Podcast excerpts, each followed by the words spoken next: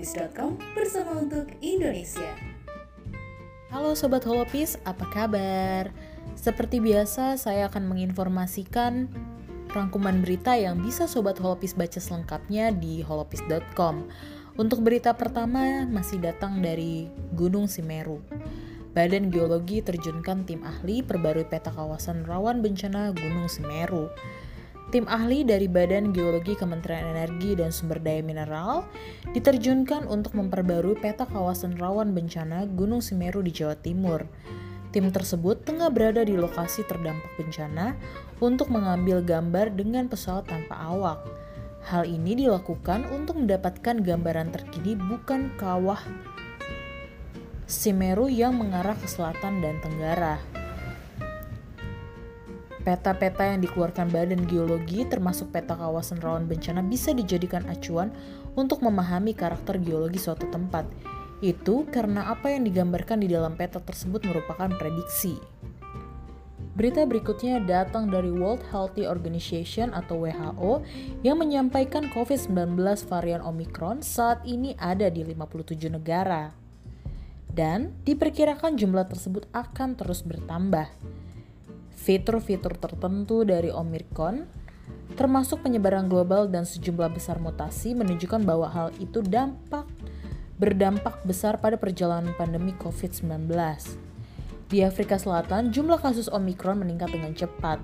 Namun, Omicron terdeteksi saat transmisi Delta sangat rendah, sehingga persaingannya kecil. Oleh karena itu, penting untuk memantau dengan cermat apa yang terjadi di seluruh dunia serta perlu memahami apakah Omicron dapat mengalahkan dominasi Delta.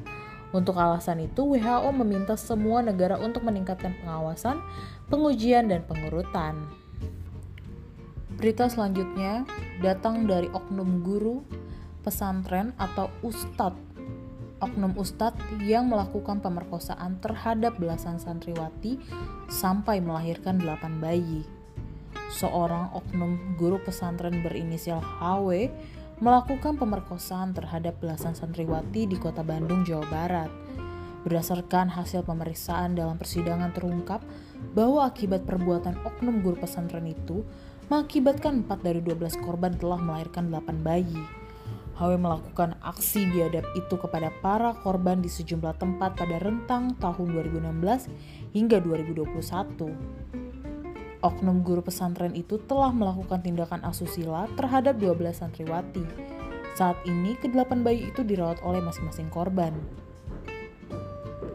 Kepala Seksi Penerangan Hukum Kejaksaan Tinggi Dodi Ghazali Emil mengatakan berdasarkan data yang diterima jumlah korban kebejatan pelaku HW 12 anak bukan 14 semua korban merupakan santriwati yang tengah menimba ilmu di pondok pesantren TM Kecamatan Cibiru Kota Bandung HW sendiri merupakan pimpinan pesantren TM di kawasan Cibiru, Kota Bandung yang memperkosa 12 santriwati akan terancam hukuman 20 tahun penjara yang dan tidak menutup kemungkinan terdakwa HW juga dijatuhi hukuman kebiri. Berita berikutnya datang dari 44 mantan pegawai KPK yang resmi menjadi ASN Polri. Tepatnya setelah dilantik langsung oleh Kapolri Jenderal Listio Sigit, 44 mantan pegawai KPK akhirnya resmi menyandang aparatur sipil negara Polri. Pelantikan yang dilakukan bertepatan dengan Hari Anti Korupsi Sedunia diharapkan bisa sesuai dengan arahan Presiden Joko Widodo. Dalam kesempatan yang sama, Novel Baswedan juga berharap dengan bergabungnya mantan pegawai KPK ini bermanfaat untuk pemberantasan korupsi di Indonesia. Demikian rangkuman berita dari saya, Selvi Anggriani. Holopis.com bersama untuk Indonesia. Halo Sobat Holopis, apa kabar? Saya Ronald Steven, balik lagi dalam program Cabi, baca berita di holopis.com. Seperti biasa berita-berita pilihan sudah kita siapkan untuk Anda para pendengar ataupun juga para Sobat Holopis yang tetap bersama kami di podcast kesayangan kita. Langsung aja kita bacakan berita pertama ya gini Cina distribusikan obat COVID-19 pertama mereka. Otoritas obat Cina telah memberikan persetujuan darurat untuk pengobatan pertama negara itu terhadap COVID-19. Dilansir dari CNA, pengobatan itu ditemukan dalam uji klinis agar dapat mengurangi rawat inap dan kematian di antara pasien beresiko tinggi. Keputusan ini pun seiring dengan keputusan para regulator di seluruh dunia yang telah mengizinkan pemberian obat virus corona kepada grup masyarakat dengan risiko tinggi terlebih karena adanya kekhawatiran terhadap varian Omicron. Cina saat ini juga sedang bergulat dengan banyak hasil studi yang menemukan bahwa vaksin produksi mereka memiliki efikasi yang lebih rendah dalam melawan varian Omicron. Wah, semoga sukses nih ya dan bisa mengatasi pandemi di dunia nantinya. Berita selengkapnya mengenai tadi bisa Anda saksikan juga seperti biasa di holopis.com. Lanjut kita akan berita internasional lainnya. Selandia Baru akan larang rokok untuk generasi muda. Wow. Mana Selandia Baru mengumumkan akan melarang penggunaan rokok kepada generasi berikutnya sehingga mereka yang berusia 14 tahun ke bawah dapat membeli tembakau secara legal. Undang-undang ini membuat usia legal merokok akan meningkat setiap tahunnya dan bertujuan untuk menciptakan generasi Selandia baru yang bebas asap rokok. Ini adalah hari yang bersejarah bagi kesehatan rakyat kita, kata Menteri Kesehatan Asosiasi Dr. AYC Faral. Selain mengingatkan batas usia legal, rokok juga peraturan ini membawa rokok tidak terjangkau serta susah untuk diakses. Cara-cara lain juga dilakukan untuk mengurangi jumlah perokok di negara tersebut. Semoga sukses ya nanti cara tersebut. Dan berita selengkapnya mengenai uh, dilarang merokok di Selandia Baru bisa disaksikan di website kita holopis.com. Lanjut ke berita lainnya.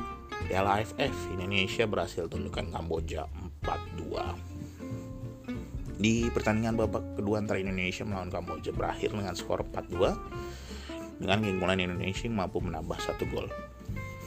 Pertandingan grup B Piala AFF 2020 ini berjalan cukup sengit dan Indonesia dan Kamboja bergantian saling serang untuk ciptakan gol. Dan ini semoga nantinya ya Indonesia bisa sukses memenangkan piala AFF dan tidak hanya semifinal terus ya. Dan berita selengkapnya mengenai Anda bisa saksikan di website kita di holopis.com. Mungkin demikian dulu berita-berita yang kita siapkan di website ataupun juga di podcast kita kali ini di Cabi baca berita di holopis.com. Saya Ronald Steven, pamit undur diri dulu. Sampai jumpa, salam sehat selalu ya. Holopis.com bersama untuk Indonesia.